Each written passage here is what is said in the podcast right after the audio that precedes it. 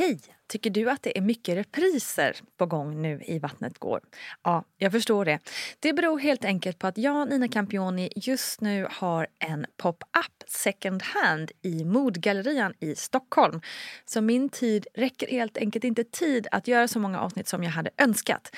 Men tills jag är tillbaka på full tid, kom gärna och hälsa på mig i Modgallerian. Vi ses! Life is full of awesome what ifs, and some not so much, like unexpected medical costs. That's why United Healthcare provides Health Protector Guard fixed indemnity insurance plans to supplement your primary plan and help manage out of pocket costs. Learn more at uh1.com. Ready to pop the question? The jewelers at Bluenile.com have got sparkle down to a science with beautiful lab grown diamonds worthy of your most brilliant moments. Their lab grown diamonds are independently graded and guaranteed identical to natural diamonds, and they're ready to ship to your door. Go to Bluenile.com and use promo code LISTEN to get $50 off your purchase of $500 or more. That's code LISTEN at Bluenile.com for $50 off. Bluenile.com code LISTEN. This is Paige, the co-host of Giggly Squad, and I want to tell you about a company that I've been loving, Olive and June. Olive and June gives you everything that you need for a salon quality manicure in one box. And if you break it down, it really comes out to $2 a manicure, which is absolutely insane. It's also so easy to get salon worthy nails at home with Olive and June. The difference between how your nails used to look when you did them yourself and now with the Manny system is a complete game changer. The best thing about Olive and June too is it's a quick dry. Dries in about one minute, lasts for five days, and full coverage in up to one to two coats. Visit oliveandjune.com slash perfectmanny20 for 20% off your first system. That's oliveandjune.com slash perfectmanny20 for 20% off your first system. Hey, I'm Ryan Reynolds. At Mint Mobile, we like to do the opposite of what Big Wireless does. They charge you a lot, we charge you a little. So naturally, when they announced they'd be raising their prices due to inflation, we decided to deflate our prices due to not hating you. That's right. We're cutting the price of Mint Unlimited from $30 a month to just $15 a month. Give it a try at mintmobile.com slash switch. $45 upfront for three months plus taxes and fees. Promo rate for new customers for limited time. Unlimited more than 40 gigabytes per month. Slows. Full terms at mintmobile.com. Hej och välkomna till, eh, äntligen ska vi säga, till en eh, fråge, frågepodd med vår allra bästa barnmorska Gudrun Abascal. Och det är alltså ni lyssnare som skickar in frågorna till Gudrun och det tackar vi så himla mycket för. Det blir så kul och spännande för det blir en otrolig vidd på frågorna. Eh, så fortsätt med det. Ni skickar frågorna till vattnetgar.gmail.com. Jag heter Nina Campioni och Gudrun du är med oss också. Eh, jag ska också säga att jag sitter i ett regnigt och åskigt Italien just nu när vi spelar in. Eh, så hör ni något som dånar i bakgrunden så ska ni inte bli rädda. Gudrun, det är lite lugnare där du sitter. Ja, alltså det är helt fantastiskt. Här sitter jag i solen i Sverige. Ja, det vara va? tvärtom annars. Nej, det, det känns eh, det är jätteskojigt. Och, eh, tack för så väldigt spännande och intressanta frågor tycker jag. Så det här känner jag mig, yes, det här är så, så roligt att jag är så fascinerad över att ni kvinnor och eh, partners och eh, som lyssnar på det här, att ni funderar så himla mycket och det är så genomtänkt och bra det ni kommer med. Så, Håller med. Yes. Väldigt roligt. Och jag tänker också om man är intresserad av dig Gudrun, för du har ju också en otroligt lång och otroligt eh, exceptionell kunskap inom det här ämnet. Så har vi ju gjort ett helt avsnitt som handlar bara om dig i podden. Så det tycker jag man ska gå tillbaka och lyssna på. Så får ni höra allt om Gudruns karriär och varför hon blev en barnmorska och så vidare. Eller hur? ja, eh, hela sanningen har inte kommit fram än mycket. Jag gillar någon själv gång. också. Så att, ja. Någon gång ska vi få fram hela sanningen. Nej, men vi kör igång va? Då kommer första frågan som lyder så här. Kroppen är ju så himla genomtänkt. Men då undrar jag, varför mår då ibland inte bebis bra av att gå över tiden? Och varför sätter inte förlossningen igång då om bebis möjligen inte mår bra i magen? Ja, när allting annat är så genomtänkt liksom. Ja, nummer ett så tycker jag fantastiskt, nu vet jag inte vad det heter som har ställt den här frågan, men jag tycker det är underbart att du börjar med att kroppen är så himla genomtänkt. Yes! att det är någon som tror på sig själv. Ja, det tycker jag känns fantastiskt. Men sen det här då, varför en bebis inte mår bra att gå ur tiden. Det har ju med moderkakans funktion att göra. Mm. Man vet att precis som barnet blir, blir äldre in i livmodern, men det blir också moderkakan. Och vi vet ju också idag inte hur lång tid är en graviditet. Jag tror att, att vissa barn kanske föds 22 veckor före beräknat datum och andra två veckor efter. Och vi vet mm. alltså inte, fortfarande inte liksom, precis varför föds de på just den dagen. Men vi har ju det här med beräknat datum och då är det 40 plus 0. Mm. Men eh, då det här går över tiden så vet vi att då åldras moderkakan. Så att mm. man vet att blodkärlen försämras, eh, syresättningen och näringstillförseln till barnet blir sämre. Sen är det vissa moderkakor som, som klarar den här även två veckor över beräknat datum väldigt bra. Och det mm. finns också till och med moderkakor där moderkakan åldras före beräknat datum. Så att det är därför till exempel man mäter livmodern varje gång som eh, ni går till eh, barnmorskemottagningen så mäter man ju livmodern med ett måttband och sen med hjälp av ultraljud också om man vill ha ytterligare detaljer av det hela. Mm. Men, men eh, för övrigt så kan man inte då säga att varför vissa kvinnor moderkakar åldras tidigare än andra. Vi vet till exempel att havandeskapsförgiftning, där har moderkakan en tendens att åldras tidigare än om man är helt helt frisk. Så, så att det är väl vad jag kan svara på det. Så ja, alltså det finns ju egentligen inget... Eh, det är liksom mer filosofiskt man får tänka där liksom, varför inte kroppen själv eh, ser till att förlossningen ja. drar igång om det börjar bli att ja, moderkakan börjar bli trött. För, för jag kommer till, till, till, det så får jag bara säga, vet ej, men det är precis som varför är jag rödhårig och ja, varför vissa ja. finns det i generna. Så ja. Varför vissa eh, längre och kortare. Och, ja, men vi har ju mm. olika förutsättningar men mm. jag brukar ibland på lite, om man ska skoja till det, säga då, att moderkakan är ju skaffrit åt barnet mm, in i magen. Ja. Och helt plötsligt så ska fri tomt och då ska ju barnet komma ut. Och sen att kroppen inte sköter det här själv. Ingen ja. aning eh, Nej. på det viset. Så. Men det är en intressant, intressant frågeställning. Och varför kroppen inte gör, sköter det här själv? Nej, det är ju mycket som kroppen inte sköter själv. Där. Varför får man havandeskapsförgiftning? Och, mm, mm. mycket sådana här saker. Mm. Det, det Men det är sånt man kan gå och fundera på en regnig dag helt enkelt. Sådana där frågeställningar. Ja, och, Väldigt intressant och i alla fall. Och har ni som lyssnar en bra svar så skicka dem gärna till mig. Ja. Jag är jätteintresserad av att få veta ja, precis. mer. Exakt.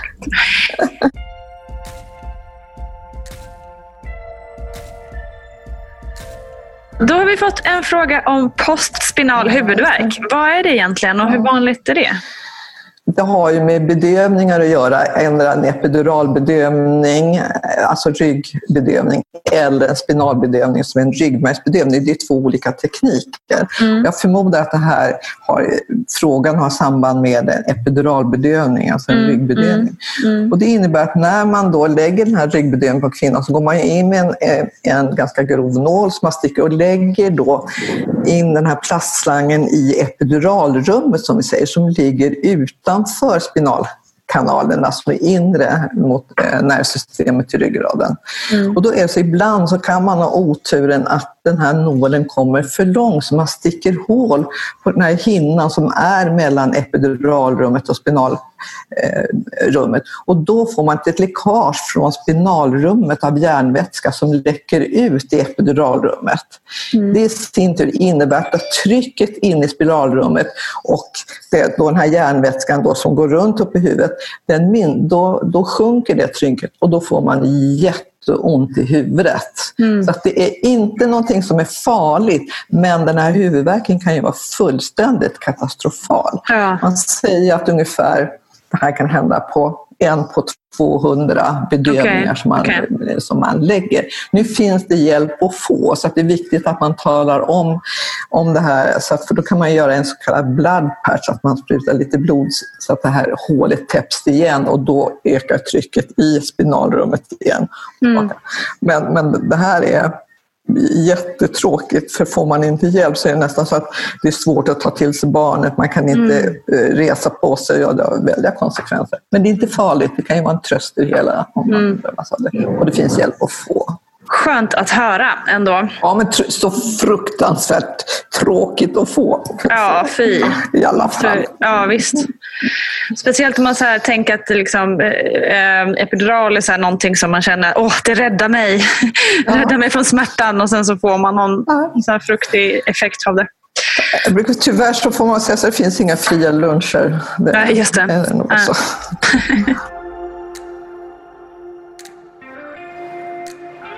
Ja, men då går vi in på en annan fråga som är lite samma grej. Alltså, vad är det för något och hur vanligt är det? Eh, och då gäller det ansiktsbjudning. Och följdfrågan, kan man inte föda vaginalt om man får ansiktsbjudning? Så först och främst, vad är ansiktsbjudning? Jo, till att börja med så, så är det ju så att när barnet, när man krystar och barnet kommer fram om man skynda, så är det ansiktet som syns först. Det bjuder sig, som, som ordet säger, ansiktsbjudning. Det är an, själva ansiktet som blir, oftast är det munnen som man ser först.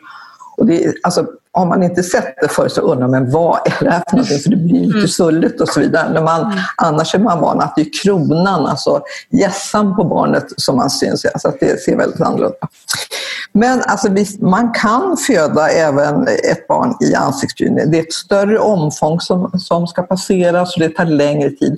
Och sen är det om ansiktet kommer vidöppet eller framstupa. Om vi ska förklara det så kan jag säga att en framstupad bjudning då innebär det att barnet när man krystar ut barnet så tittar barnet neråt mot, mot kvinnans ryggrad och nacken står under, under blygbenet. Vid en vidöppen bjudning då är det precis tvärtom. Att då kommer nacken mot ryggraden och ansiktet, barnet tittar uppåt mot blygbenet. Mm. Jag hoppas, jag vet inte om mm, det är Jo, men det jag förstod. Ja. Ja. Och då är det så att om det är en ansiktsbjudning så, så, går, så kan man, kvinnan krysta ut barnet om, an, om barnet tittar uppåt mot blygbenet.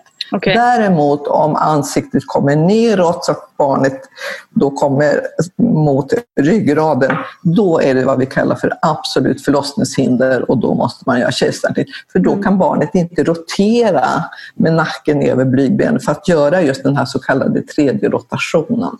Mm, okay. Men det är inte så vanligt eller, antar jag? Nej, alltså det är, det är inte, inte ens någon procent ansiktsbjudning, det kanske är 0,01. Och så är det, så att det är därför man gör de här vaginala undersökningarna med jämna mellanrum. Då är det inte bara att man barnmorskan undersöker och känner på öppningsgrad och hur långt barnet har trängt ner i förlossningskanalen. Utan då känner man också hur barnets huvud roterar mm. och då ska man också upp på tid, mycket tidigare stadium upptäcka att det här blir en ansiktsbjudning och ta ställning till kommer det här att gå bra att föda vaginalt eller måste vi ha kejsarsnitt i ett tidigare stadium. Mm. Mm. Så att, eh, men vi kör men, ingen barnmorskeutbildning idag va? Så att vi tar... Nej, just det. Men just det där om man nu då ändå försöker föda vaginalt, är det, är det större risk för att för förlossningsskador eller är det mer farligt för barnets hälsa? Man kan säga så här att ja, lite är det väl så. så att man följer ju alltid barnets hjärtljud för det är på det sättet om barnet För att det är ju tuffare mm. på det viset. Det tar längre tid framförallt och det är väl det okay. i så fall som gör att det är tuffare okay. för barnet. Mm. Och eftersom det är ett större omfång som också bjuder sig, som ska komma ut först så är risken för bristningar också större. Ja. Så att, ja. visst är det större risker med att föda ett barn med vidöppen ansiktsbjudning. Ja. Alright, tar vi nästa fråga. Hej, tack för bra avsnitt där Gudrun svarar på frågor. Verkligen toppen. Det jag saknade när ni pratade om bäckenmätning i ett avsnitt var mer hur det går till. Alltså kan ni grotta ner er lite mer i det där ämnet så vore jag tacksam. Hur går en bäckenmätning till helt enkelt? En bäckenmätning det är en röntgen, en röntgenundersökning. Okay. Där man då går in och mäter själva bäckenet Alltså, alltså, utrymmet i förlossningskanalen och då är det på tre olika plan. Då har man då, då så kallade ingångsmått, alltså den övre delen av, av, av bäckenet där barnets huvud ställer in sig som ska ha specifika mått för. Så har man då bestämt sig för 10 till 11, 11 till 12, för det är lite ovalt och så vidare det här. Men på ett ungefär någonting mm. så kan man säga. Och sedan så har man då vid spineknölarna så kan man också mäta man hur mycket avståndet är mellan spineknölarna, alltså halvvägs i förlossningskanalen. Mm. Och sen så kallar själva bäckenutgången där man då mäter mellan sippensknölarna och sen mellan ska säga, blygbenet och en, en bit upp på, på svanskotan. Så det är fem olika mått som man tittar hur många centimeter på det, mm. har man bestämt sig att de här måtten som gäller. Eh, så. Och det här var väldigt inne för, förr i tiden så var det mycket det här med bäckenträng, en ganska vanlig diagnos där man gör kejsarsnitt på kvinnor.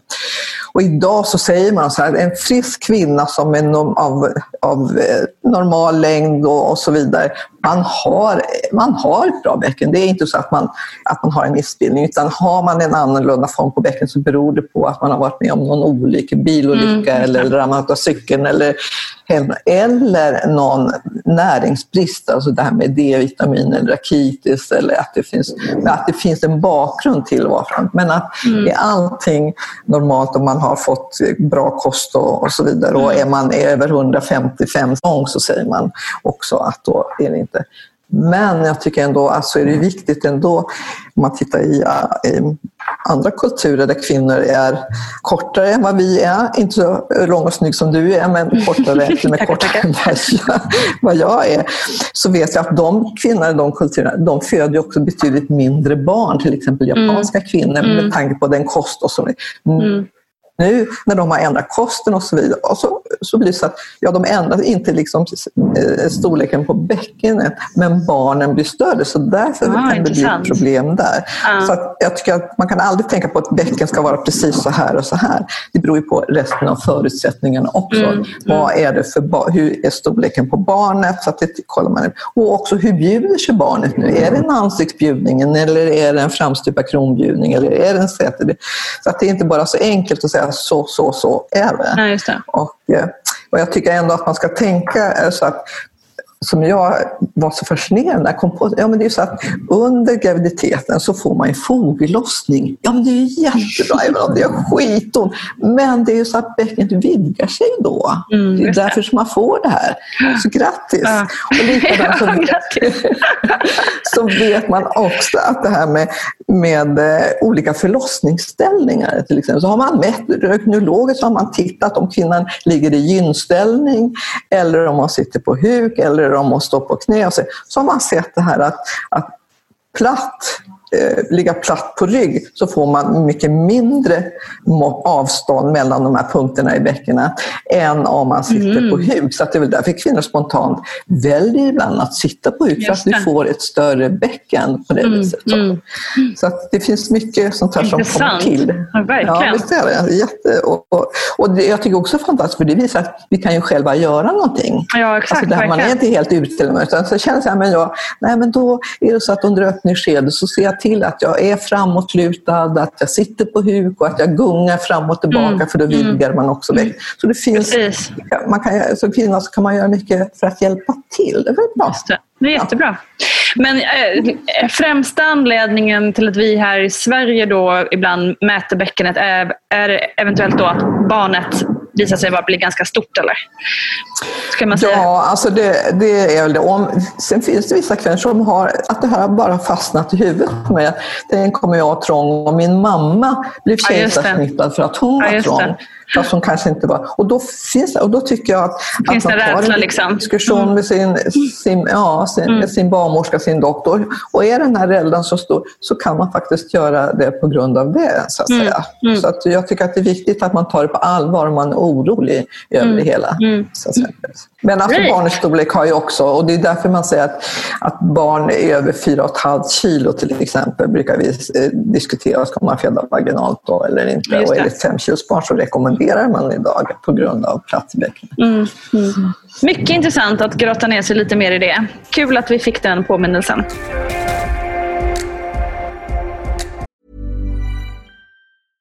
Hej, jag Ryan Reynolds. At Mint Mobile, we like to do the opposite of what Big Wireless does. They charge you a lot, we charge you a little. So naturally, when they announced they'd be raising their prices due to inflation, we decided to deflate our prices due to not hating you.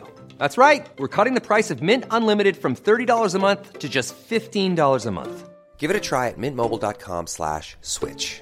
$45 upfront for three months plus taxes and fees. Promote for new customers for limited time. Unlimited more than 40 gigabytes per month. Slows. Full terms at mintmobile.com. Hi, I'm Daniel, founder of Pretty Litter. Cats and cat owners deserve better than any old fashioned litter. That's why I teamed up with scientists and veterinarians to create Pretty Litter. Its innovative crystal formula has superior odor control and weighs up to 80% less than clay litter. Pretty Litter even monitors health by changing colors to help detect early signs of potential illness. It's the world's smartest kitty litter.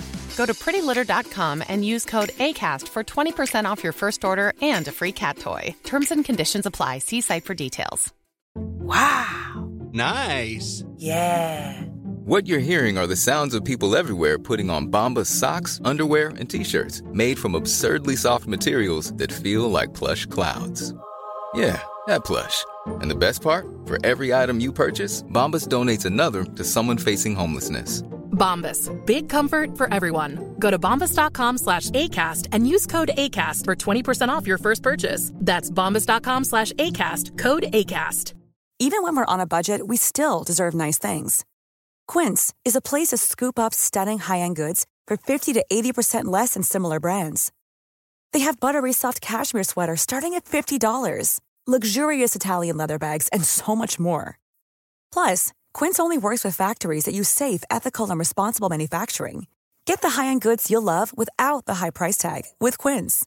Go to quince.com/style for free shipping and 365-day returns. A lot can happen in three years, like a chatbot may be your new best friend. But what won't change? Needing health insurance. United Healthcare Tri Term Medical Plans, underwritten by Golden Rule Insurance Company, offer flexible, budget friendly coverage that lasts nearly three years in some states. Learn more at uh1.com.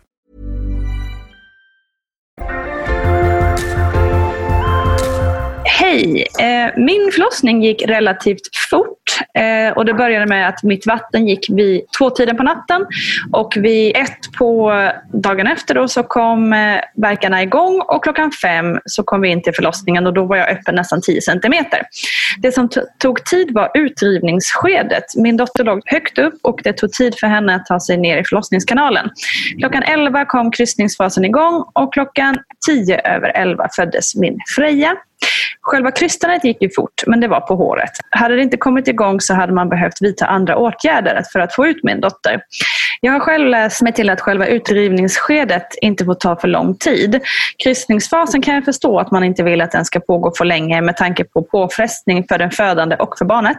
Men varför är det även tidskritiskt när det gäller nedträngningsskedet jämfört med öppningsskedet som kan ta flera dygn? Hoppas ni har möjlighet att svara på min fråga.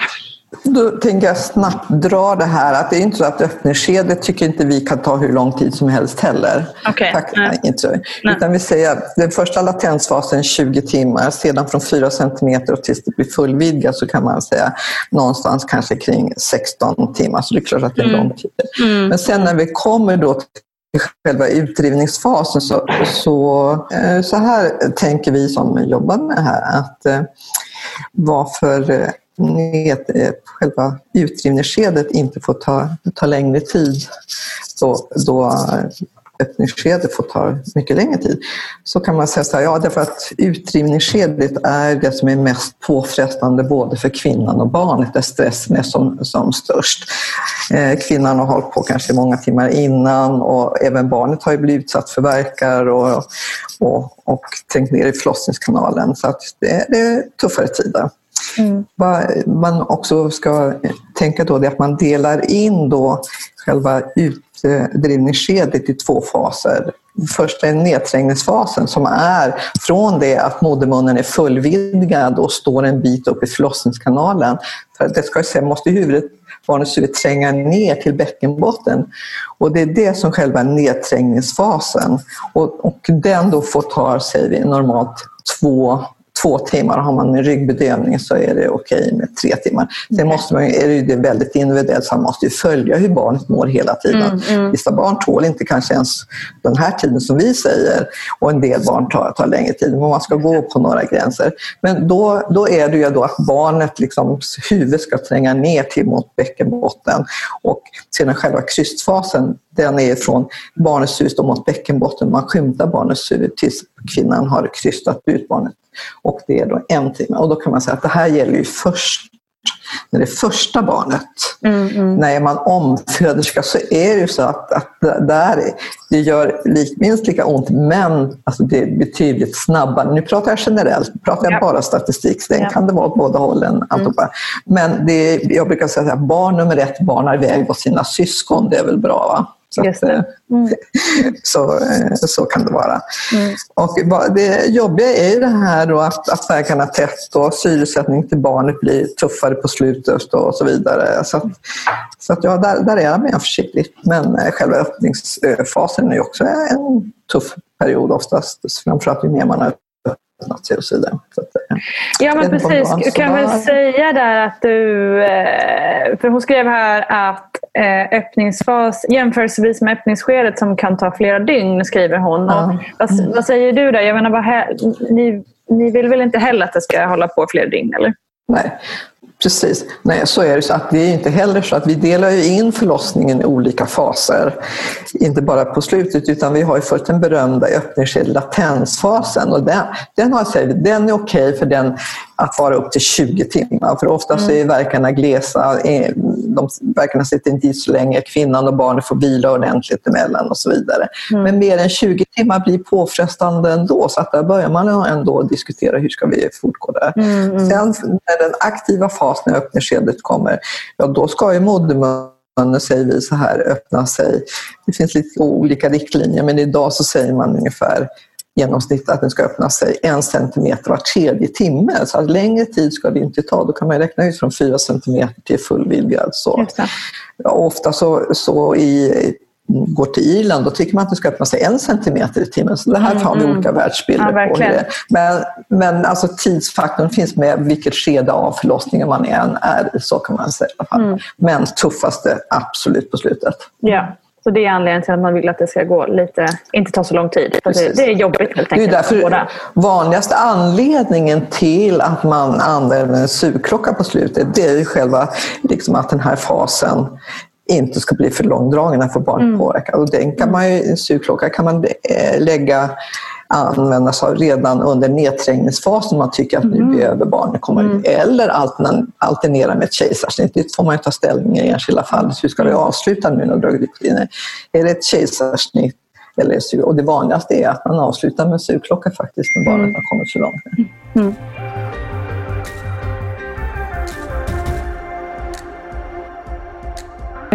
Nu ska ni som lyssnar få veta att jag och Gudrun har försökt spela in det här avsnittet eh, några gånger eftersom det åskar så in i bängen här i Italien. Så elen har försvunnit flera gånger under samtalet och internetet dog och allt sådär. Så att, eh, jag hoppas att ni som lyssnar också har lite, lite förståelse för eventuella problem eh, i ljud och så. Men, men innehållet, det stämmer i alla fall, eller hur Gudrun? Absolut. Lite spänning skulle det vara i, ja. i det hela också. Exakt. Men nu har vi kommit till sista frågan, så då kör vi på den. Ja. Hej! Jag är gravid i vecka 34 och har alltid tränat under min graviditet. Igår utförde jag marklyft och så kallade kettlebell swings. Eh, och det kändes helt okej okay i rörelserna. Däremot senare under eftermiddagen fick jag en molande verk ned, i nedre delen av buken samt verk i ljumskarna. Verkarna var regelbundna, cirka några minuters intervaller och de pågick i cirka två timmar. Nu är de över och bebis rör sig som hen ska och så vidare. Men bör jag vara orolig för bebisen nu tro? Och ska jag, avsluta, ska jag sluta med viss form av träning? Och kan träningen i sig ha gjort att verkarbete eller förlossningsarbete har satt, satt igång? Susanne Åhlund som skriver i Vattnet går-boken, där så skriver hon ju mycket om det här, så att gå gärna in och läs det. Mm. Men när jag sitter då på en barnmorskemottagning och det kom en kvinna så skulle jag säga, ja, du måste, jag råder dig, du gör som du vill, men jag råder dig att lyssna på vad kroppen signalerar. Mm. Och för mig så är det här tydliga signaler till det här att, att du fick molande värk i nedre delen av, av ljumskarna där nere. Och det har säkert med de här banden som livmodern är upphängd i att man får liksom en väldigt stor påfrestning av det. Och sen att livmodern är en muskel som när det blir stressigt så drar den igång lite grann.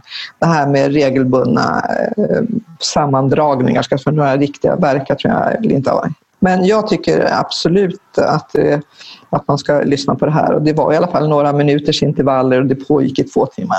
Mm. Att nu var det över och jag tänker att en sån här kort period, det är ju ingenting som man behöver oroa sig för att det har hänt någonting med barnet eller att det skulle vara farligt för barnet. Så det, där kan jag luta mig tillbaka. Här. Nej, men det slutade och sen blev allting bra.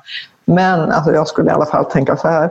För mig är det, blir det här som en varningssignal. Nej, då ska man undvika den här typen av rörelser.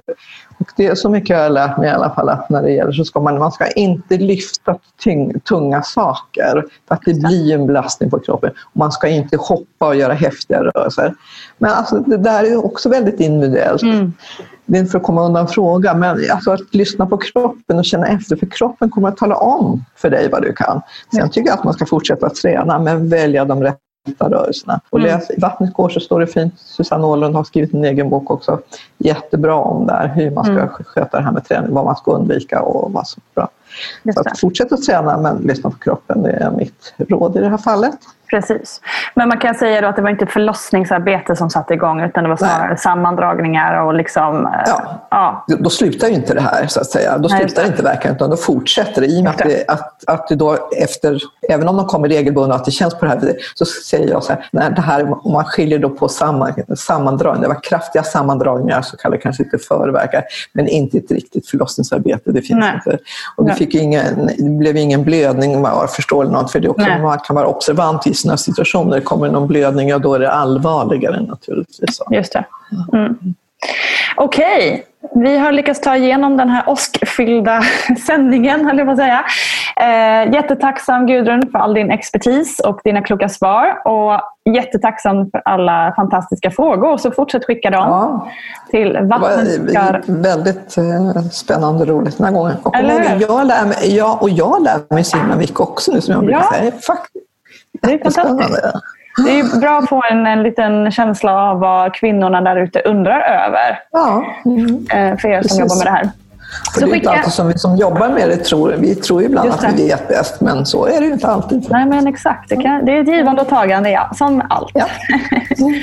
så skicka till vattnetgar.gmail.com dina frågor till Gudrun. Eh, så gör vi det här snart igen Gudrun, tycker du inte det? Absolut. absolut. Ja. Ha det så gott så länge alla som lyssnar och ha det så gott du också Gudrun. Hej hej! Hej hej!